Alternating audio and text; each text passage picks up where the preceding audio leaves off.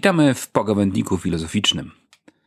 Dzisiaj łączymy się z Częstochową, bo naszym rozmówcą jest profesor Sebastian Gałecki z e, Uniwersytetu Humanistyczno-Przyrodniczego imienia Jana Długosza w Częstochowie. Strasznie długa nazwa, nie wiem, nie przekręciłem czegoś? Witaj. Mi też się zawsze myli kolejność, czy humanistyczno-przyrodniczy, przyrodniczo-humanistyczny, więc ja piszę zawsze Uniwersytet Jana Długosza i jest po sprawie. Jesteś w tej chwili związany z Częstochową, ale twoja intelektualna droga przebiegała, jak rozumiem, przez Kraków. Tak, w Krakowie spędziłem 13 lat e, od czasu moich studiów, wtedy jeszcze jednolitych magisterskich, przez doktorat i przez kilka lat pracy, ale również habilitację e, robiłem w Krakowie, więc cały czas czuję się jakoś związany z Krakowem. No to domknijmy jeszcze ten Kraków, bo mam przed sobą twoją książkę. Przepraszam, trochę się wysilę, bo jest duża i opasu, a przesunę ją sobie bliżej, która też się ukazała w krakowskim uniwersytecie pod tytułem Etyka chrześcijańska dla postchrześcijańskiej epoki.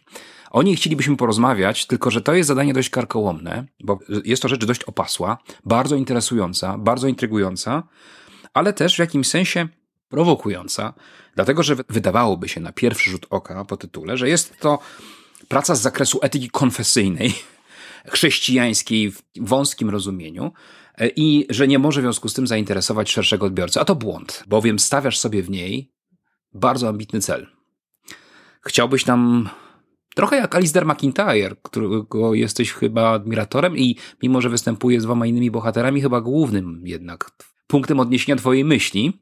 O tym za chwilę powiemy i sam się pewnie z tego wytłumaczysz, ale mówię o nim dlatego, że jego ambicja, e, znana nam z e, pracy Dziedzictwo Cnoty, która na, tak bardzo nasz, na, naszumiała i narozrabiała przed czterema dekadami i nadal e, echem się odbija, jest w, w, podobnym duchu jak gdyby ujęta. To znaczy, ty masz bardzo poważne ambicje, żeby jakoś uporządkować no ten domniemany bałagan, w jakim się znaleźliśmy w dzisiejszej współczesnej etyce, nie tylko chrześcijańskiej.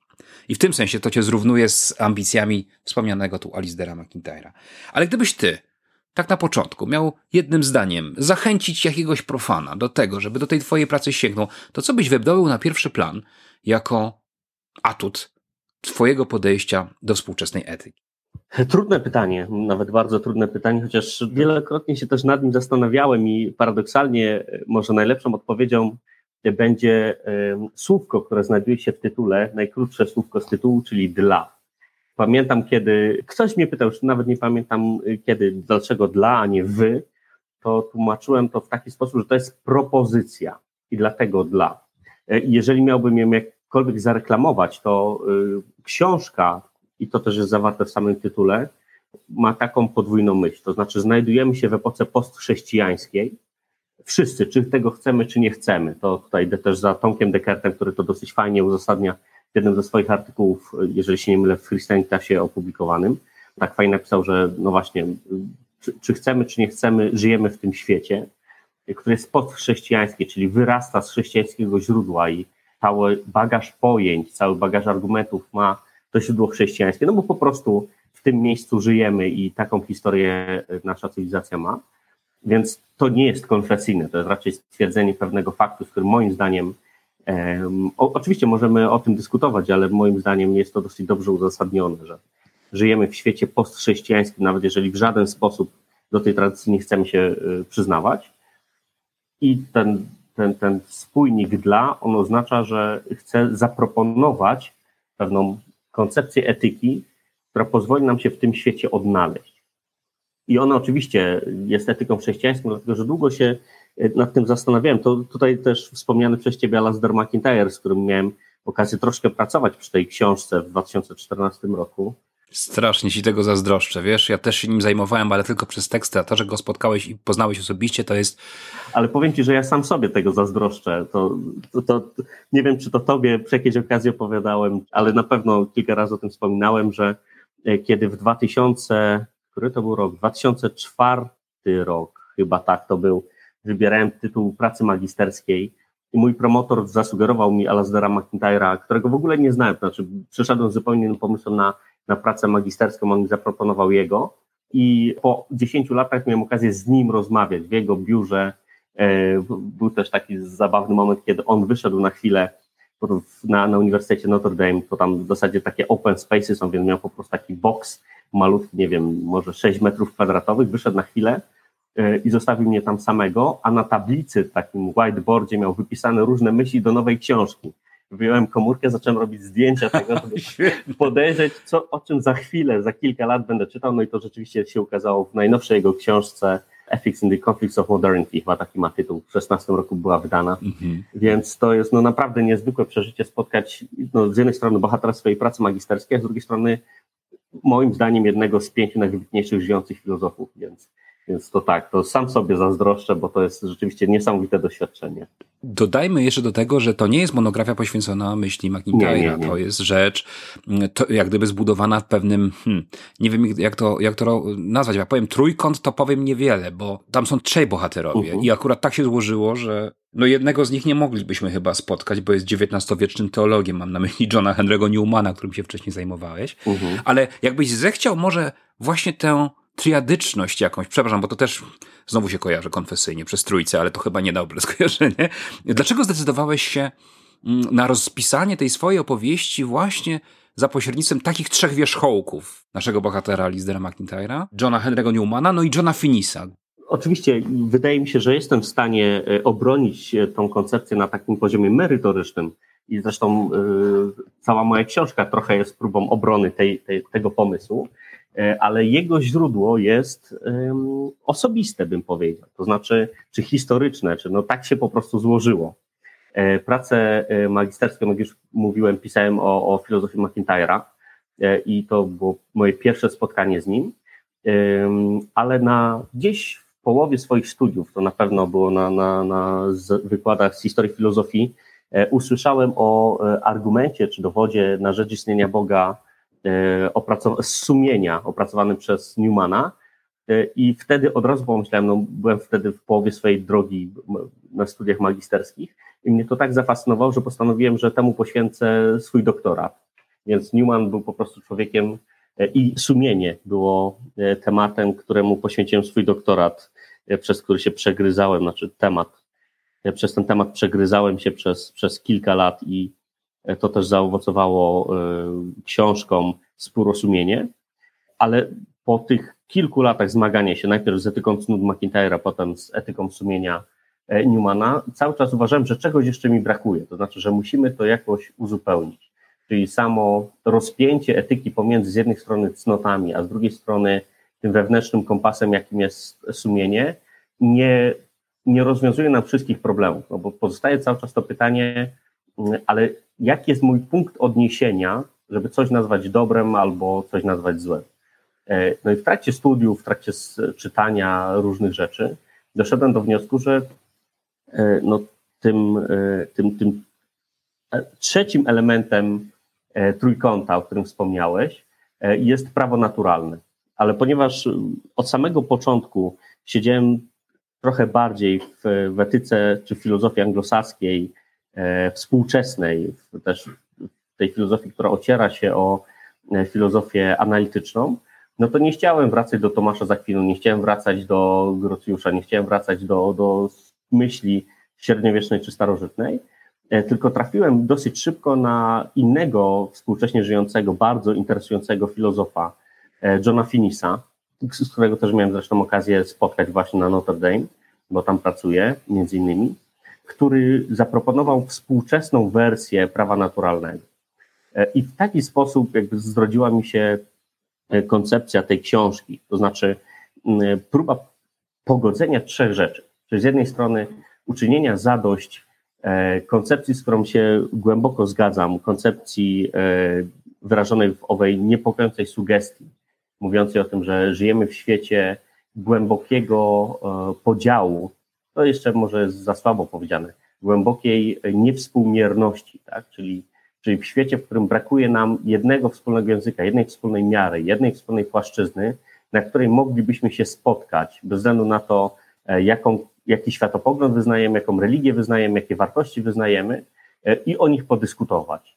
E, więc z jednej strony chciałem pokazać, jak w tym świecie, świecie, który później nazwałem postchrześcijańskim, można prowadzić dyskusję, z drugiej strony, e, jak starałem się pokazać, że te trzy elementy, cnoty, prawo naturalne i sumienie, nie tylko się wzajemnie nie wykluczają, ale się wręcz wzajemnie dopełniają. Się w zasadzie każdy z tych trzech elementów wymaga dwóch pozostałych e, dla usensownienia jego samego.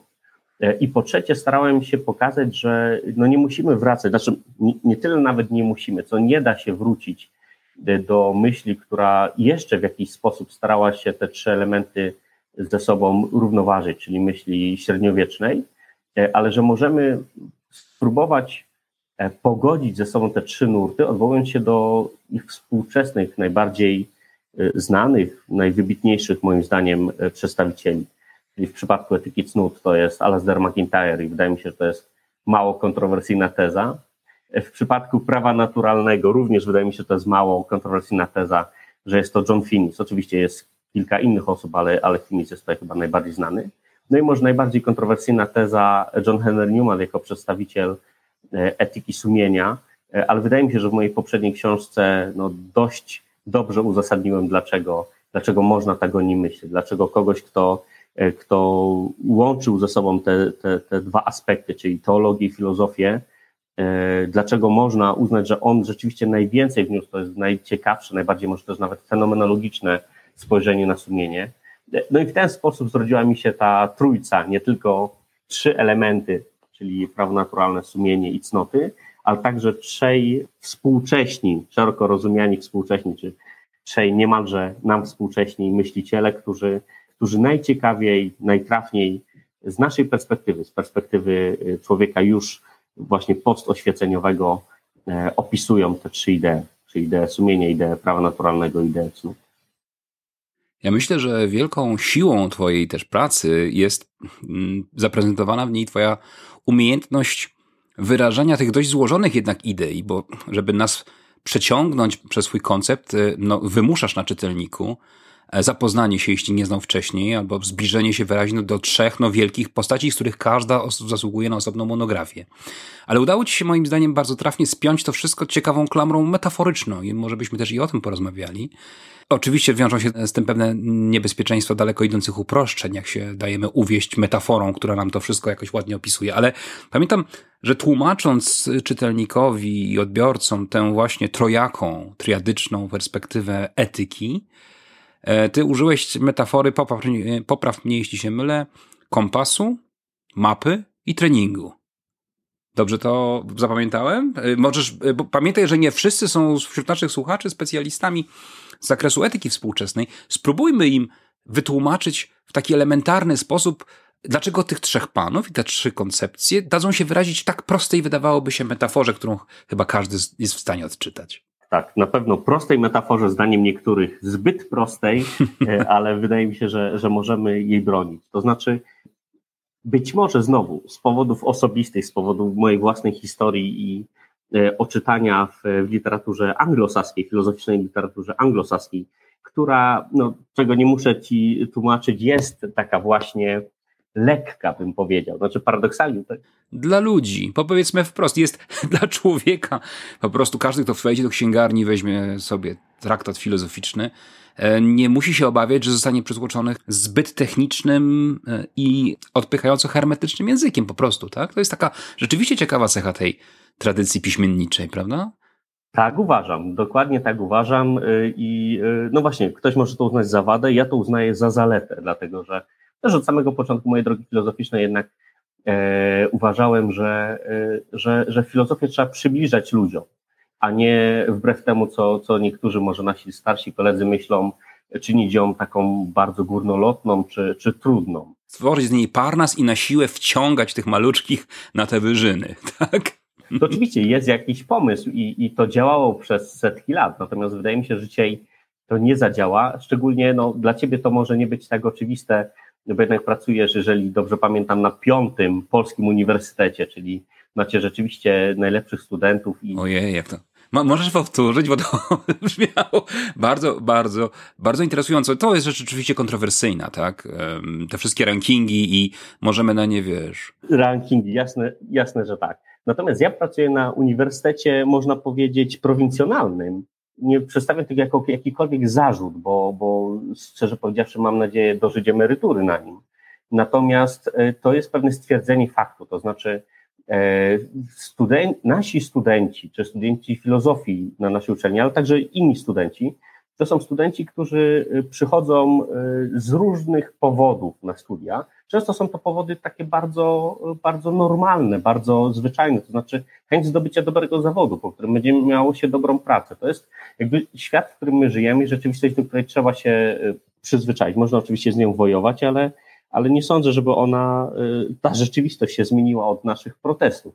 Więc y, moją ambicją jest to, żeby pokazywać moim studentom dwie rzeczy. Po pierwsze to, że filozofia jest ciekawa, a po drugie, że filozofia jest niezbędna. To znaczy, że każdy z nich momentami staje się filozofem, etykiem, bo y, o ile, nie wiem, pielęgniarkami czy inżynierami materiałowymi się bywa, o tyle człowiekiem się jest, a filozofia jest nieoderwalną częścią odbycia człowiekiem, odbycia istotą myślącą, zwierzęciem rozumnym i tak dalej.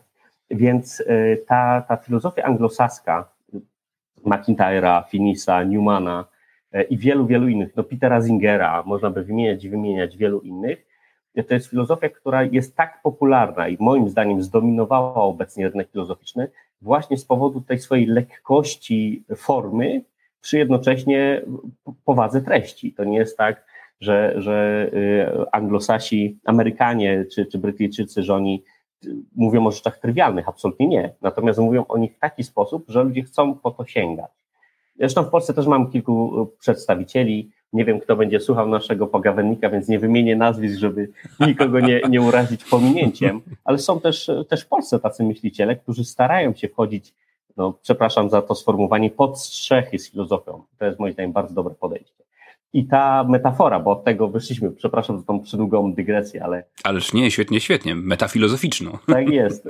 Ta, ta metafora, ona ma zaspokoić właśnie tą moją ambicję, to znaczy wrzucenie pewnego konceptu, który, no mam nadzieję, że przyznasz, zostaje w głowie, prawda? Ten, ten, no właśnie, ten... nie można się od niego uwolnić. Ja bym nawet tyle tak powiedział, że, że, że metafory bywają zwodnicze, bo raz jak nas wezmą we swoje władanie, to potem trudno nam się z nich uwolnić e, i porzucić jak gdyby, albo nawet krytyczne ostrze jakieś zwrócić. Ale dokładnie tak uważam, że ta metafora jednak zapada i od czasu do czasu wraca nam w pamięci e, i ona jakoś w nas pracuje. Dlatego wydaje mi się, że dobrze jest czasami skorzystać z metafory, która oczywiście jest zawsze ułomna, jak każda metafora, jak każda e, analogia, czy każda alegoria też nawet w tym przypadku, ale ona gdzieś pracuje, ona gdzieś nas zostaje i możemy do niej się odwoływać. I ta metafora, jak ja sobie roboczem nazwałem wędrowca w górach, e, jest moim zdaniem e, wartościowa i silna też przez to, że każdy z nas ma takie doświadczenie, czy większość z nas była w górach albo oglądała film o górach, a jeżeli nie była w górach, to była w jakimś parku krajobrazowym czy narodowym i wie, jak to wygląda. Tak? Znaczy, jeżeli wchodzimy na jakąś trasę, której nie znamy, która jest dla nas obca albo jest nam słabo znana, czy to będzie trasa w, w Alpach, Tatrach, e, w jakimś parku, e, czy nawet czasami trasa w mieście, to e, potrzebujemy trzech rzeczy, żeby ją pokonać. Potrzebujemy wiedzieć, dokąd idziemy i jak się tam dostać, i to nam załatwia, tak? Czy narzędziem do tego jest, jest mapa, ale sama mapa nam nie wystarczy. To znaczy to, że ja wiem, jak dojechać z Częstochowy do Torunia autostradą A1 najłatwiej, to samo to mi nie wystarcza, dlatego że jeszcze muszę wiedzieć, czy mam wjeżdżając na tą autostradę skręcić w prawo czy w lewo. Tak to się chyba nawet nazywa specjalnie. Mapę trzeba zorientować w terenie, nie? Zorientować. tak, tak. tak jest. Mapę trzeba zorientować. A tym, co nam służy do orientacji, jest kompas, busola. Zresztą słowo zorientować pochodzi od, od słowa oriens, czyli wschód, tak? Czyli musimy umieć ją ustawić tak, żeby wiedzieć, gdzie ten nasz cel się znajduje. I to nie tylko wystarczy zrobić to na początku, ale często na przykład jak jesteśmy, w, no wyobraźmy sobie, że jesteśmy w górach, w jakiejś dolinie albo jesteśmy w gęstym lesie, e, no to bardzo łatwo nam jest się zgubić, znaczy stracić nam to, to ukierunkowanie, tą orientację. No i co wtedy trzeba zrobić? No znowu wyjąć ten kompas albo tą busolę i sobie przypomnieć, w którym kierunku idziemy. Ale te dwie rzeczy też nam jeszcze e, nie wystarczą. To znaczy one być może są nam w stanie pomóc pokonać jakąś trasę w wyobraźni e, albo nie wiem, w, jakimś symulatorze e, komputerowym, ale jeżeli to jest prawdziwe życie, no to nie jesteśmy w stanie przejść z punktu A do punktu B, jeżeli nie będziemy posiadali odpowiedniej kondycji. Pamiętam, że, że w naszych rozmowach zasugerowałeś zastąpienie słowa trening słowem zaprawa. To, to jest też bardzo dobre, bo wiadomo o co chodzi. Nie? Trening nam się trochę kojarzy dzisiaj właśnie z, z, z przyjemnością, tak? z relaksem. I, I, być może ta zaprawa rzeczywiście tutaj jest e, e, trafniejsza. Natomiast chodziło nam obu o to samo, czyli o pewną zdolność fizyczną, ale to też może być zdolność psychiczna, tak? Znaczy ja sobie jestem w stanie wyobrazić, że gdybym e, zgubił się w Tatrach w nocy, zimą, to nawet jeżeli miałbym kondycję fizyczną, to, to moja psychika mogłaby na tyle upaść, że po prostu bym się położył pod drzewem i, i zamarzł, nie mając motywacji, nie mając jakby siły takiej psychicznej, żeby to pokonać. Więc, więc ta, ta zaprawa, ten trening E, obejmuje jakby całość naszej kondycji e, takiej psychofizycznej, żeby, żeby tam się dostać. I dopiero mając te trzy narzędzia, czy te trzy elementy, mapę, kompas i trening, jesteśmy w stanie przejść jakąś trasę, która jest dla nas nową.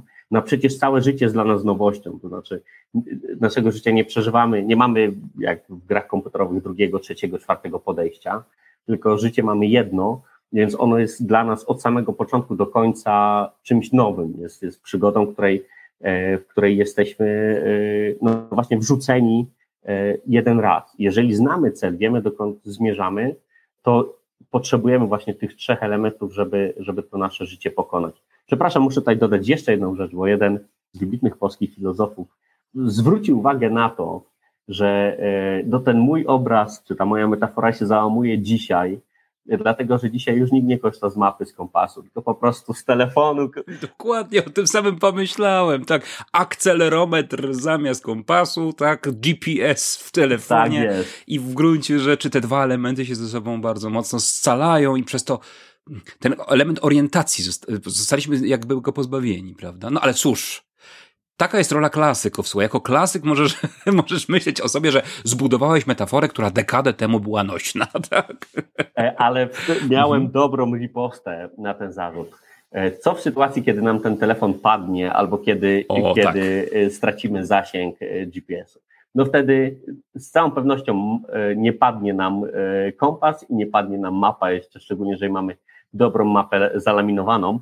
Bo zobacz, Marcinie, rozmawiamy na początku roku y, takiego, no właśnie, y, już zaczynamy ten rok z pewnymi napięciami politycznymi i, i kto wie, czy tak naprawdę właśnie wszyscy, którzy korzystamy z GPS-a, korzystamy y, z, z telefonów komórkowych, za jakiś czas nie będziemy się musieli poprosić z tymi bardziej analogicznymi narzędziami, które, które dawniej, dawniej działały. Więc wydaje mi się, że mimo wszystko ta metafora pozostaje nośna, bo nawet jeżeli korzystamy z urządzenia elektronicznego, to to urządzenie elektroniczne i tak nam nie zadziała, jeżeli właśnie z jednej strony nie będziemy mieli wgranej aktualnej mapy, a z drugiej strony, jeżeli to urządzenie nie będzie w stanie się połączyć z satelitą, który właśnie służy tej orientacji. No już nie mówiąc o tym, że sama obsługa tych, tych map ciągle w gruncie rzeczy powiela schemat dawnych przyzwyczajeń papierowych. Nadal mówimy na to mapa, nadal mówimy, prawda, nadal to jakoś orientujemy.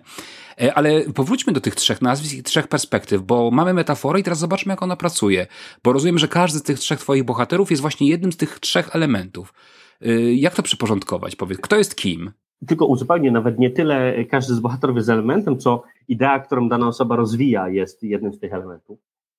Mapą jest prawo naturalne. Tak ono zawsze było e, postrzegane. Nawet w mojej książce, jeżeli ktoś z Państwa będzie zainteresowany, znajdzie e, cytaty, które wskazują, że, że w historii myśli też znajdziemy takie powiązanie e, mapy, czy, czy inaczej, prawa naturalnego właśnie z tym obrazem mapy. No i tutaj tym bohaterem jest John Finnis, który, który rozwija to, co, co my nazywamy odnowionym prawem naturalnym, prawem naturalnym bez natury, bardzo różnie to jest określane, natomiast John Phoenix jest dzisiaj uważany za najpoważniejszego przedstawiciela takiego nurtu starającego się przywrócić wagę myślenia w kontekście prawa naturalnego. Tak? Bo tu musimy, przepraszam, że ci przerwę powiedzieć, że jednak teoria prawa naturalnego była w pewnych tarapatach. Bo, bo wyda, wydawało się jeszcze powiedzmy no, 70 lat temu, czy, czyli zaraz po wojnie, że jesteśmy w stanie zastąpić e, ideę prawa naturalnego ideę praw człowieka.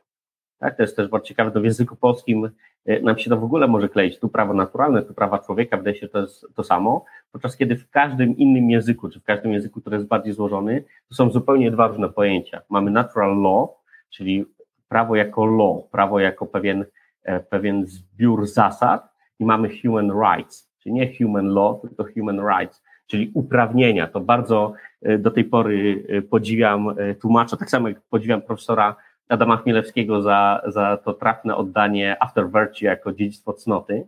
Tak samo tłumacz najważniejszego dzieła Johna Finisa, Natural Law and Natural Rights, oddał to jako prawo naturalne i uprawnienia naturalne. E, I to rzeczywiście prawnicy pewnie, pewnie, pewnie potwierdzą, że tak w języku polskim nawet mówimy. Tak?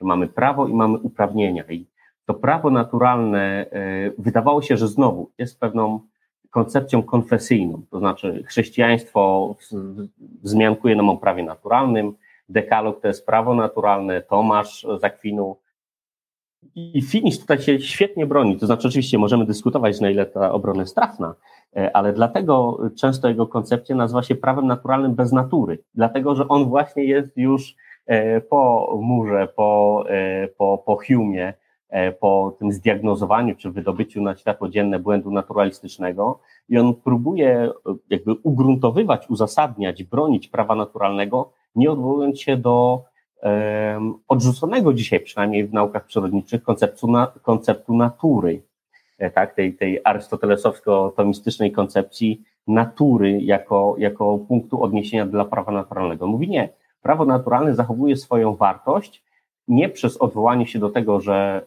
że jest zgodne z naturą, to dlatego, że jest zgodne z rozumem. Bardzo ciekawa koncepcja, polecam. Na pewno w mojej książce Państwo możecie znaleźć pewne takie wstępne omówienie tej koncepcji, ale zachęcam do sięgnięcia do źródeł. I tutaj mówiliśmy, rozumiem, o mapie. O mapie, o prawie naturalnym mapie. Tak, o mapie. I to jest ten komponent tak metafory. Jest. Tak jest. Ten, ten komponent mówiący o tym, jak się rzeczy mają, jak świat wygląda. E, natomiast, tak jak już mówiłem, to nam nie wystarczy, że wiemy, jak świat wygląda, bo jeszcze musimy umieć umieścić samych siebie na tej mapie. Tak? Musimy e, jakby wskazać, gdzie ja się znajduję. Bo e, ja, Sebastian Gałecki, ty, Marcin Zdręka, jesteśmy unikalnymi bytami. Nie było nigdy takiego i mamy nadzieję, że już nigdy takiego nie będzie. I miejsce, które my zajmujemy w rzeczywistości, zarówno w czasie, jak i w przestrzeni, tak, w czasoprzestrzeni, jest unikalne, jest niepowtarzalne e, i dlatego nikt inny nam nie powie, gdzie my jesteśmy. Tak? To jest coś, co, co jest unikalne, do czego sama mapa nam nie wskaże. No, już nie mówiąc o tym, że każdy z Państwa, kto miał przed sobą mapę, dobrze wie, że mapa zarysowuje tylko schematycznie pewne obszary, czyli mapa na przykład nam pokaże, że przez Toruń przepływa Wisła, ale już nie, nie pokaże nam, jak szeroka jest ta Wisła, tak? Czy jesteśmy w stanie przebyć ją w brud, czy musimy skorzystać z mostu? Y, to, to jest tylko pewien symbol, który jest nam w stanie pewne rzeczy uzmysłowić, ale dopóki tam nie, nie, nie przyjdziemy, nie zobaczymy, nie jesteśmy w stanie tego, tego stwierdzić. I tutaj jest nam potrzebny kompas, czyli nie tylko, żeby umieć znaleźć swoją własną, jednostkową, niepowtarzalną pozycję na tej mapie, ale także umiejscowić cel, do którego my zdążamy. No i tutaj y, tym kompasem jest, wydaje mi się też dosyć łatwo, można się domyślić, sumienie. Sumienie, które jest tym wewnętrznym głosem, zmysłem moralnym, jak to lubią określać anglosasi, y, czyli pewną wewnętrzną zdolnością. Ja tutaj bardzo lubię to, to porównanie, właśnie wzięto od Newmana, ale Newman sam go nie wymyślił, tylko wziął od swoich poprzedników w gronie filozofów anglosaskich tego zmysłu moralnego. tak jak mamy pięć naszych zmysłów, wzrok, słuch, węch, dotyk, chyba nic nie pomnę, smak jeszcze, tak samo y, mówimy czasami o tym szóstym zmyśle. Y, anglosasi mają na to jeszcze lepszy obraz, dlatego nie mówią o pięciu zmysłach zewnętrznych, cielesnych i wielu, nawet nie, niepoliczonych zmysłach wewnętrznych. I oni tak nazywają zmysł estetyczny, tak? to jest coś analogicznego do naszego wzroku. I e, każdy z nas, kto, kto zna jakiegoś artysta albo kto jest wrażliwy, dobrze wie, że, że jeżeli ktoś posiada ten zmysł estetyczny, to na przykład na niejednej sali e, auli akademickiej się po prostu źle czuje, tak? bo coś mu przeszkadza. O co ci chodzi, chłopie? Masz mikrofon, masz, e, masz mównicę, masz projektor, masz studentów, mów. A znam ludzi, którzy no, ciężko im jest się w tym odnaleźć, dlatego że coś ich razi. Estetycznie, tak? Jak rozumiem. Estetycznie, tak, tak. E, pamięć jest uważana za pewien zmysł. No wiemy dobrze, że, że pamięć również można ćwiczyć, jak mięsień. Tak? Więc, więc anglosasi uważają pamięć za, za zmysł, wyobraźnię uważają za zmysł e, i sumienie również uważają za zmysł. Tak? Oczywiście jest, jest słowo angielskie, e, ale ono często, jakby idea sumienia jest oddawana przez e, moral sense albo sense of duty, czyli pewna, pewien zmysł moralny czy zmysł powinności, obowiązku.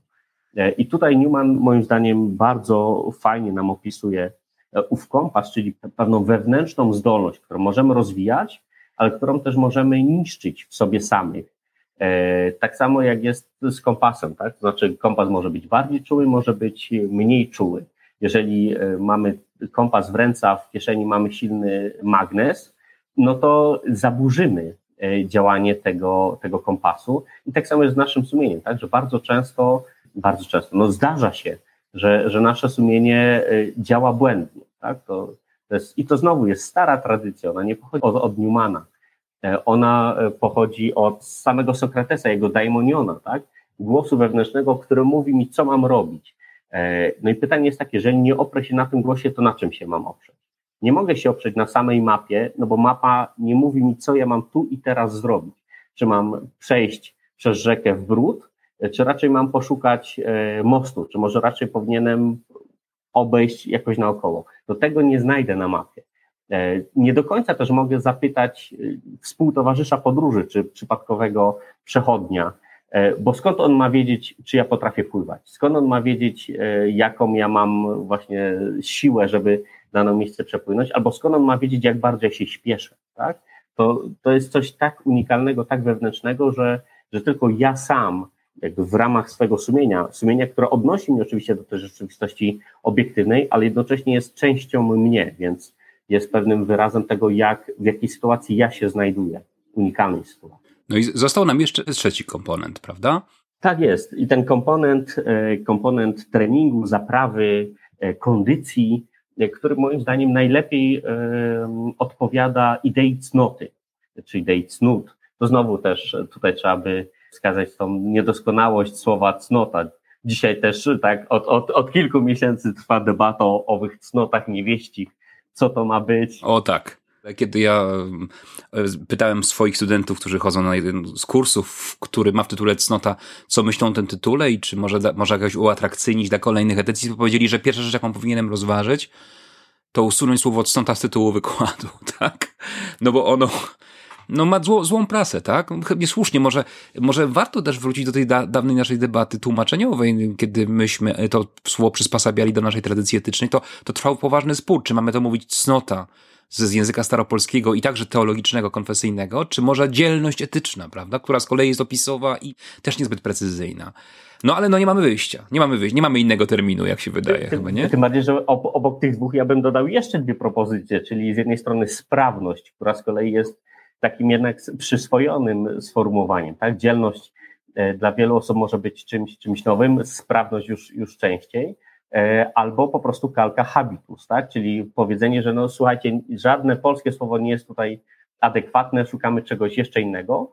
W jednej z dyskusji słyszałem, że ktoś proponował chyba, tylko mogę to teraz przekręcić, żeby właśnie ów habitus, czyli heksis, przepraszam, tak, że rozumieć jako, jako, jako krzepkość bo, bo zwróć uwagę, ono ciekawie łączy nie tylko trening, zaprawę, to znaczy to, coś sprawozdaje, jak gdyby historię nabywania przeze mnie kompetencji. Jestem wytrenowany, ale także tą moją obecną sprężystą gotowość, żeby tą, to, co dzięki treningowi zbudowałem, wykorzystać. Bo słowo trening to, to angielskie wydaje się, że to jest po prostu wynik trenowania. Tak, i to jest coś zewnętrznego, tak? To jest pewna, pewna czynność zewnętrzna, a podczas kiedy chodzi tutaj właśnie, no dlatego ta dzielność oczywiście by się dobrze broniła, a z drugiej strony y, mi jednak trochę szkoda oddawać tego słowa cnota, tak? Dlaczego? Z kolei dlatego, że z cnotą jest związane pojęciowo, merytorycznie słowo wada, tak? Dzielności też musielibyśmy coś przeciwstawić, e, a, a, a wada, akurat tutaj wada jest takim słowem, które raczej nie rodzi takiej kontrowersji, prawda? Dlatego, że o wadzie nawet dzisiaj mówimy w kontekście psychologii, Oj, o, przepraszam, tak? To Teraz, prawda, chociaż y, ona. Tak ten zaczepiłem specjalistę od, od, od wad mniejszych, ale. Nie, nie, nie, nie, nie, ale też myślałem o przywarach, też ciekawym słowem, ale znowu skażonym e, historią naszego rodzimego języka. I, I pojawia się tu problem chociażby translacji owe vices, tak? Bo to zdaje się jest virtues and vices po angielsku. No ale z kolei wada niesie w sobie ten ładunek, nie wiem, wady fabrycznej, wady, wady skazy, ale to już by było bliskie McIntyre'owi, o którym teraz chcę wspomnieć, tak? No bo McIntyre właśnie, zresztą idąc za Arystotelesem, nie chce odrywać cnoty, czy owej arete, od dzielności noża czy konia, tak? I, i no i tak, tak, jak do Grecy zresztą widzieli, tak. Tak, więc ta wada fabryczna nie jest ideowo tak odległa od wady charakteru, tak? Czyli pewnej skazy. Znowu, skaza jest czymś, co, co może być przez przypadek, podczas kiedy wadę jest czymś, co, co, co nabywamy.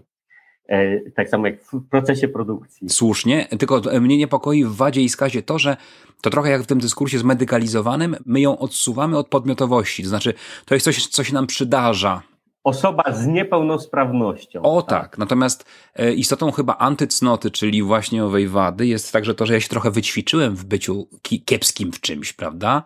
Na przykład w lenistwie, w gnuśności, w kłamliwości. Tutaj to, to jest taka trochę niedyspozycja, antydyspozycja, prawda? Mówiąc mhm. krótko, Marcinie, z głodu nie umrzemy, bo mamy co robić i to pewnie jeszcze kilka pokoleń po nas. E, jak tutaj zachować i obronić tą, tą starożytną tradycję etyki cnót właśnie także w kontekście pewnych problemów językowych, politycznych i, i, tych wszystkich, które, o których my wiemy, że one są do przezwyciężenia, e, ale no właśnie, co, co, co ja robię, czy jak ja próbuję to przezwyciężyć? No próbuję sięgnąć do kogoś, kto zaproponował teorię, e, wyrażając nowym językiem no, pewne stare prawdy, tak? No bo etyka cnót nie jest niczym innym niż właśnie etyką, jak to czasami się mówi, etyką charakteru, etyką, no właśnie, no tej zaprawy, tak? To znaczy to, co jest najcenniejsze w etyce cnót, jak ja moim studentom o tym opowiadam, to jest y, pewna myśl, czy pewna teza, którą, y, jak to mówię moim studentom, sami możecie sprawdzić. Znaczy, ja im często podaję taki przykład, tak, że jeżeli zobaczycie na, na ulicy leżący portfel wypchany tam kilkoma tysiącami złotych i przed sobą idącą jakąś staruszkę z rozpiętą torebką, domniemujecie, że pewnie jej z torebki ta, ten portfel wypadł, pewnie to jest jej najnowsza emerytura, jedyne pieniądze być może, które ma, może na, na leki potrzebuje, to za pierwszym razem na pewno się zastanowicie, no bo wam te pieniądze też by się przydały, nie? I mi też by się te pieniądze przydały.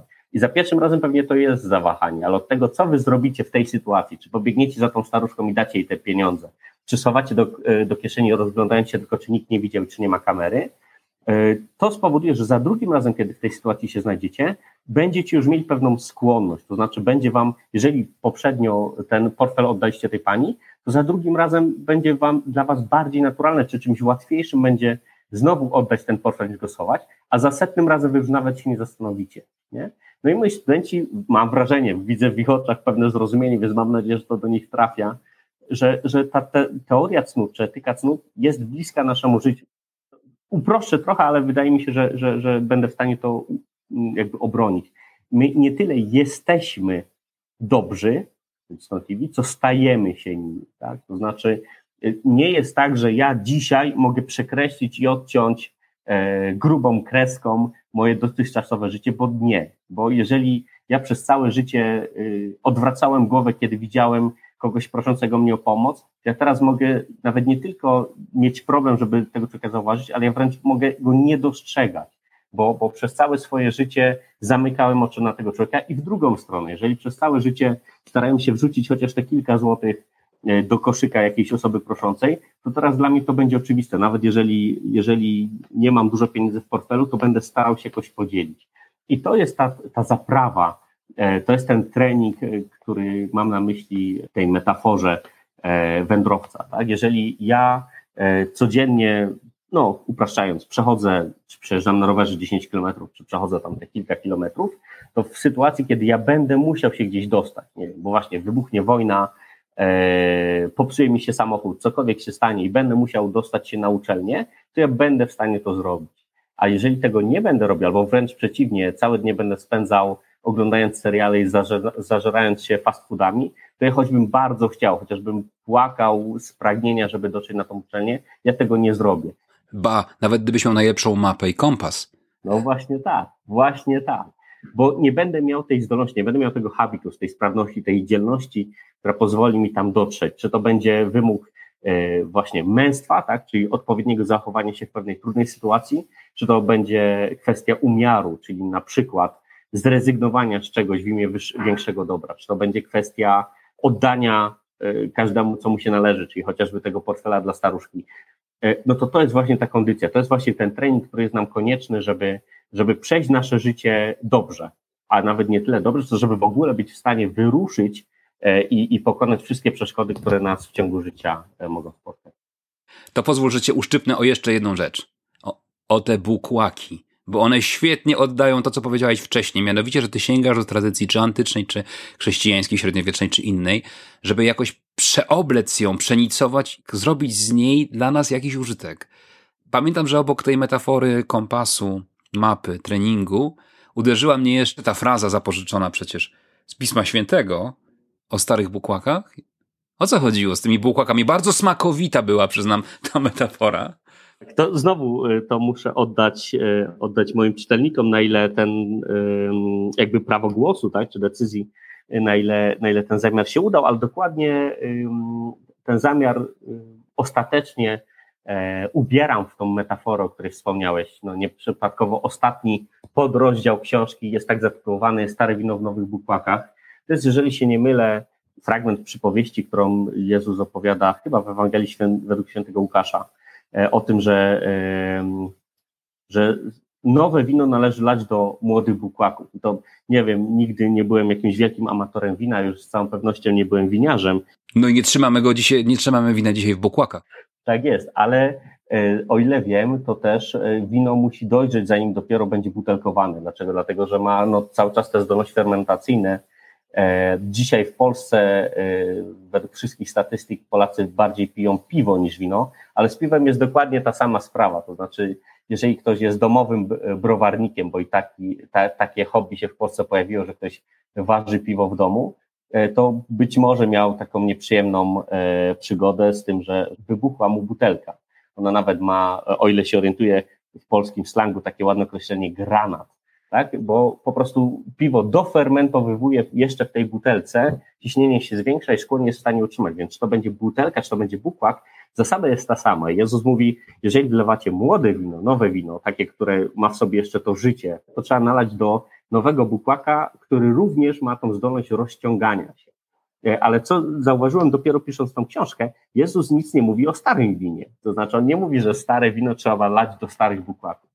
Więc skoro e, autorytet, nie ukrywam, dla mnie dosyć duży, e, nic o tym nie mówi, no to wydaje mi się, że można zrobić eksperyment, który ja się starałem zrobić, czyli wlać stare wino, wino tradycji, no przecież 2,5 tysiącletniej e, tradycji cnót, czy podobnej długości, może kilkaset lat krótszej, tradycję prawa naturalnego, czy tradycję sumienia, znowu 2,5 tysiąca lat, co najmniej od Sokratesa, czyli stare wino, tak, no, no nie wiem, czy jeszcze gdzieś na świecie znajdziemy próbkę chociażby tak starego wina, dlaczego nie można by go wlać do nowych bukłaków? Tak? No nie ma tego ryzyka, że rozsadzi albo że, że coś nam uszkodzi, e, ale przynajmniej będzie lepiej wyglądało, a może będzie się lepiej piło. No, pamiętam to, Marcinie, pewnie też masz takie doświadczenie, pewnie nie jeden nasz słuchacz, jak się jedzie na przykład do Chorwacji i wchodzi się do supermarketu i się kupuje dobre wino w plastikowym baniaku to dla nas jest takie trudne do przyjęcia, no bo się wydaje, że wino powinno być w ładnej, e, świeżej, czystej butelce. I to był trochę mój pomysł. To znaczy, e, dlaczego by nie wlać tej starej treści do nowego opakowania, do takiego opakowania, do którego my jesteśmy bardziej przyzwyczajeni. Być może gdyby przyjść na uczelnię z, winem wlanym do bukłaka z, z koziej skóry, to może byśmy zrobili, e, zrobili tym no, niemałą aferę, ale czy ktoś by się chciał z tego napić, mam pewne wątpliwości, albo czy ktoś umiałby się z tego napić, nie rozlewając tego wina po sobie, tak, no bo taki worek y, jest, jest giętki, tak, ruchomy, więc, więc pewnie i pić z niego trzeba umieć, więc dlaczego nie wlać tego starego wina, tej starej mądrości, tych starych teorii, moim zdaniem sprawdzonych przez wieki, do nowego bukłaka, do nowej butelki, do nowej formy, przedstawić to w no, nowym językiem bo i tutaj znowu też e, fragment, który opuściłem, a który być może tutaj całkiem dobrze pasował, bo chwilę później Jezus mówi, kto się napił starego wina, nie chce nowego, bo mówi, stare jest lepsze.